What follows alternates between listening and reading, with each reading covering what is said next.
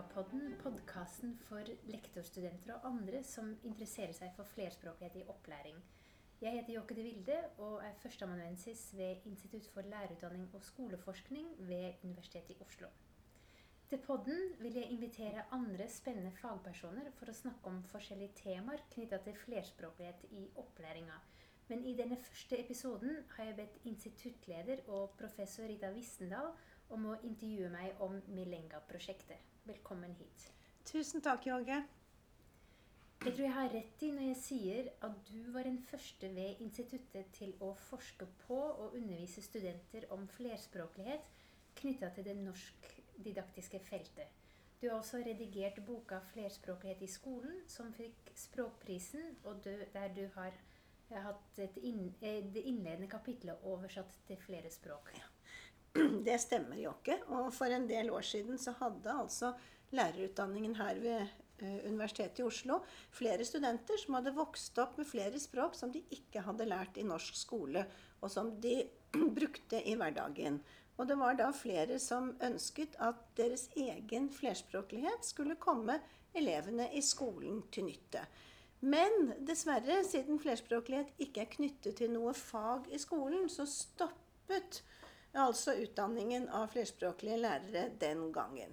Og nå syns jeg det er veldig spennende at du tar dette opp igjen. Og så er jeg litt nysgjerrig. Hva betyr navnet Milenga, som du har satt på prosjektet ditt? Mm. Um, Milenga betyr 'språket mitt' på papimento.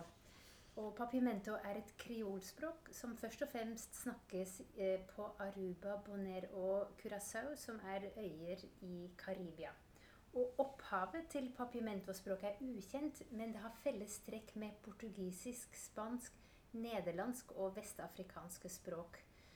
Og grunnen til at jeg valgte milenga, er um, fordi uh, ordet kjennes kjent og ukjent ut på samme mm. tid. Og Sånn er også litt med flerspråkligheten som vi er omgitt av i hverdagen. Det vil alltid være noe kjent, og så vil det være noe ukjent. Det er jo et veldig interessant eh, perspektiv på nettopp flerspråklighet. Og også interessant å høre om papiamento og hvordan nye språk kan oppstå. Eh, jeg har nettopp eh, lest om vår nye kulturminister, Abid Raja. Og han har da fortalt at han og vennene hans snakket norsk og urdu i annenhver setning i oppveksten. Og det brukte de til å holde foreldrene utenfor samtalen. For de lagde seg altså et nytt språk som de kalte nurdu. Og det greide ikke foreldrene å følge helt med på. Så eh, hva tenker du at det forteller om unges eh, flerspråklighet. Mm. Um, jeg syns at nurdu er utrolig morsomt. Fra forskningslitteraturen så kjenner vi også til um, et begrep som spanglish. En blanding av spansk og engelsk. Um, det forteller oss at barn og unge som vokser opp i Norge i dag, har et veldig mangfoldig flerspråklig repertoar som de greier å bruke på strategiske måter. Man kan kalle det den måten å veksle på språk på som for kodeveksling eller transspråking. Og før så ble det sett på som veldig negativt, men det gjør det jo ikke lenger nå. Så det har også noe kreativitet i seg, uh, det de greier å få til på hjemmebane eller andre steder. Ja, og dette er jo veldig, veldig interessant. Eh, og den samme Abid Raja han lærte jo også fire språk samtidig da han vokste opp.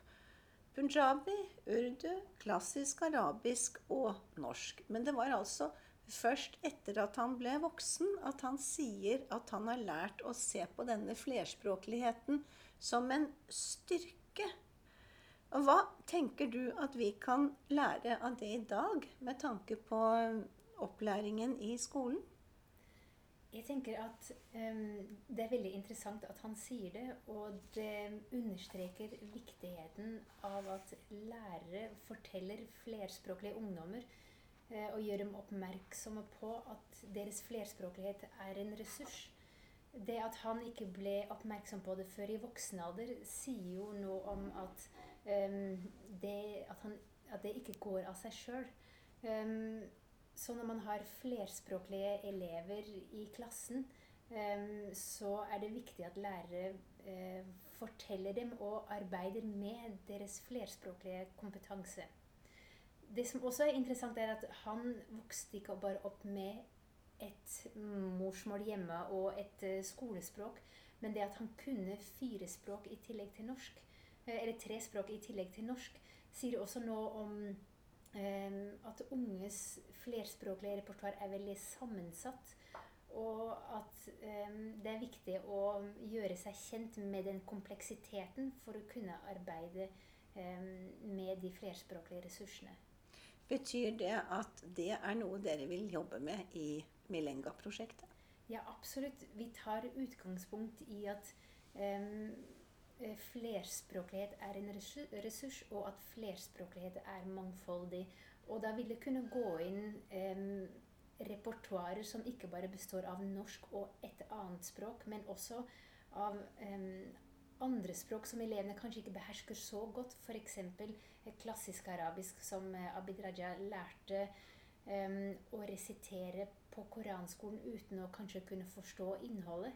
Um, at det på en måte også er en kompetanse som man kan trekke inn i uh, opplæringa. Hvorfor tenker du at uh, Milenga, Milenga-prosjektet er uh, viktig for lektorstudentene ved Universitetet i Oslo? Jeg, jeg merker et, en stadig større interesse for flerspråklighet. og mange studenter innenfor ulike fag ville skrive masteroppgave om flerspråklighet. Og jeg følte et behov for å samle studentene i et prosjekt. fordi det tilbyr også et fellesskap. Og flerspråklighet tilhører ikke bare norskfaget, som tradisjonelt mange innenfor norsk har vært interessert i. Men i Melenga-prosjektet nå så er det studenter fra norsk og fra samfunnsfag og fra engelsk. Og kanskje det kommer til fra andre fag som alle interesserer seg for flerspråklighet i opplæring. Og da kan man se på eh, flerspråklighet sånn generelt i opplæring, og så hvilken betydning det kan, det kan ha for de ulike fagene. Og så har du altså valgt å lage eh, podkasts. Hvorfor akkurat podkasts om dette temaet? Eh, jeg er jo tilsatt eh, som førsteamanuensis i flerspråklighet i opplæring. Og interesserer meg bredt for flerspråklighet i skolen. Men så er jeg jo ikke ekspert på alle mulige måter å tenke og arbeide med flerspråklighet på. Så for meg så gir podkasten en anledning til å invitere forskere og andre som arbeider med ulike tematikker om flerspråklighet, og høre um, hvorfor de syns tematikken er viktig, hva de brenner for, hvordan de arbeider uh, med tematikken, hvilke muligheter og utfordringer de ser.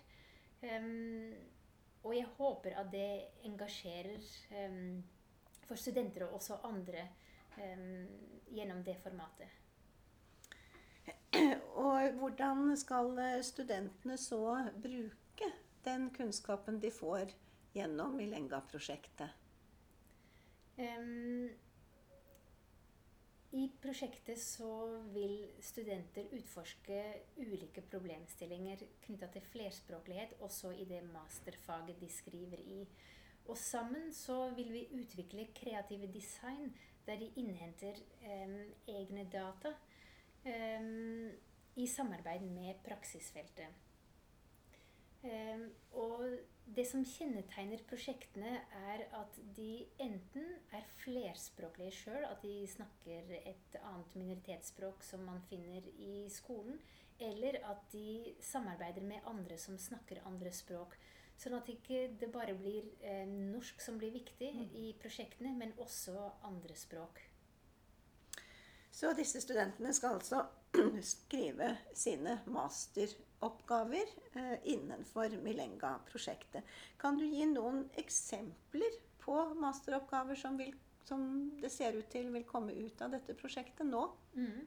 Um, Innenfor norskfaget um, f.eks., der har jeg en student, um, jeg veileder en student som heter Shaz, som skriver om uh, ungdommer med kort botid, og hvordan de skriver flerspråklige identitetstekster. Så hun er veldig interessert i skriving, og hun er interessert i hvordan de bruker sin flerspråklige identitet og kompetanse i eh, kreativ skriving. I et annet prosjekt eh, til eh, Fatima eh, Fatima er um, tospråklig arabisk-norsk, og hun interesserer seg for um, hvordan elever og lærere og skoleledere tenker omkring tospråklig fagopplæring for arabisktalende elever i lys av eh, også norskfaget. Eh, det er to eksempler fra norskfaget. Og fra samfunnsfag der er det Victoria som har et spennende prosjekt om bruken av flerspråklige tekster. Um, som hun har fått gjennom NAFO, som vi også kan snakke om litt. Og hvordan elever i samfunnsfag eh, kan få en tekst på sitt morsmål. Eh, og i hennes tilfelle så var det da somali, tigrinja og arabisk. Jobbe med nytt fagstoff på morsmålet først, og så på norsk. Og hvordan elever og lærere opplever å jobbe på den måten. Så det er tre eksempler. Ja, det var jo tre veldig interessante og forskjellige eksempler. Du har jo også nevnt at dere har trukket inn samarbeidspartnere. Eh, hvem er det dere samarbeider med, og hvorfor er det så viktig å ha med disse samarbeidspartnerne i prosjektet? Jeg tenker at det fins veldig mange aktører som har mye kompetanse på flerspråklighet. Uh, som er viktig for studenter å uh, samarbeide med, men også som lærere seinere. Så på en måte så tenker jeg å etablere et samarbeid og se litt utover skolens Eh, vegger, at det er viktig også seinere. Universitetsskoler er jo et viktig samarbeid for oss på ILS. Og jeg tenker at det å, som student å samarbeide med en universitetsskole som interesserer seg for flerspråklighet, at det kan komme litt sånn synergieffekt ut av det. At skolene åpner sine dører for at en masterstudent kan uh, utforske noe. Um, og tenker jeg at de kan få igjen noe ved at det kommer inn noen som prøver ut noe nytt eh, knytta til flerspråklighet. Vi har jo også allerede etablert eh, samarbeid med NAFO, som er Nasjonalt senter for flerkulturell opplæring, um, og er i dialog med um, hva slags ressurser de har som studenter kan bruke i eh, masterprosjektene sine. Og da er det f.eks. Eh, nettsiden Tema morsmål med de flerspråklige tekstene som ligger der, og som eh, mange lærere i dag bruker. Men, og som da dermed er veldig interessant å få belyst gjennom et masterprosjekt. Kanskje at noen av tekstene er litt vanskelige. kanskje at de kan brukes på ulike måter, så det tenker jeg er interessant kunnskap å få fram. Jeg håper også å samarbeide med det flerspråklige bibliotek. Vi er i dialog. De har også veldig mye kompetanse på flerspråklig litteratur som lærere låner den dag i dag. De låner bokpakker. Um, og da tenker jeg det er interessant for en masterstudent å se på den bruken og på hvilke muligheter som ligger um, der. Og så til slutt så um, har jeg også kobla på uh, nordiske forskere. Det er Line Møller Daugård fra Via University College i Danmark. Og det er Irmlin Kjelås fra NTNU uh, og Åsa Vedin fra Dalarna, Høgskolen i Dalarna. Og det gjør jeg for å styrke nordiske, den nordiske dimensjonen. Um, vi har skolesystemer som ligner. Vi har Eh, det nordiske språkfellesskapet. De kan lese våre data. Daugård har vært eh, flere ganger her og hatt inspirasjonsseminar. Vi har hatt analyseseminar. Eh, og det er interessant å få et sånt nordisk perspektiv på det. Dette betyr jo at de studentene som deltar i Milenga-prosjektet, får med seg svært mye kunnskap om flerspråklighet i skolen. Og de får jo da selv undersøkt hvordan eh, flerspråklighet i skolen kan eh, arte seg. Hva hvordan tenker du at de kan bruke kunnskapen sin når de er ferdig? For de skal jo da utdannes og kvalifiseres til å være lektorer i ungdomsskolen og i videregående skole. Hvilken plass vil det være for deres kunnskaper om flerspråklighet når de begynner som lektorer i skolen? Jeg håper jo at de blir veldig populære på arbeidsmarkedet. Eh, det må jeg si. Um, og jeg håper både at de kan um, få bruk for den kompetansen uh, om det flerspråklige, uh, og at de um, har blitt nysgjerrige og, og, tør å lage opplegg. og tør å utforske flerspråkligheten sin uh, og til elevene med elevene, da. Så både at de har en kunnskap som dagens alle norske skoler eh, trenger, og den måten å jobbe på, den utforskende eh, eh, måten sammen med elevene, håper jeg vil eh, være veldig nyttig for dem.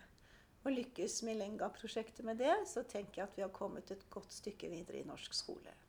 Takk. Det håper jeg også. um, Da nærmer vi oss slutten for den eh, første podkasten. Eh, takk for at du intervjua meg, eh, Rita. Så håper jeg så klart at du vil abonnere og følge med på podden framover. Det vil jeg, Jokke. Og lykke til med Milenga-prosjektet. Tusen takk. Neste gang så er vi tilbake med en ny spennende gjest, så følg med.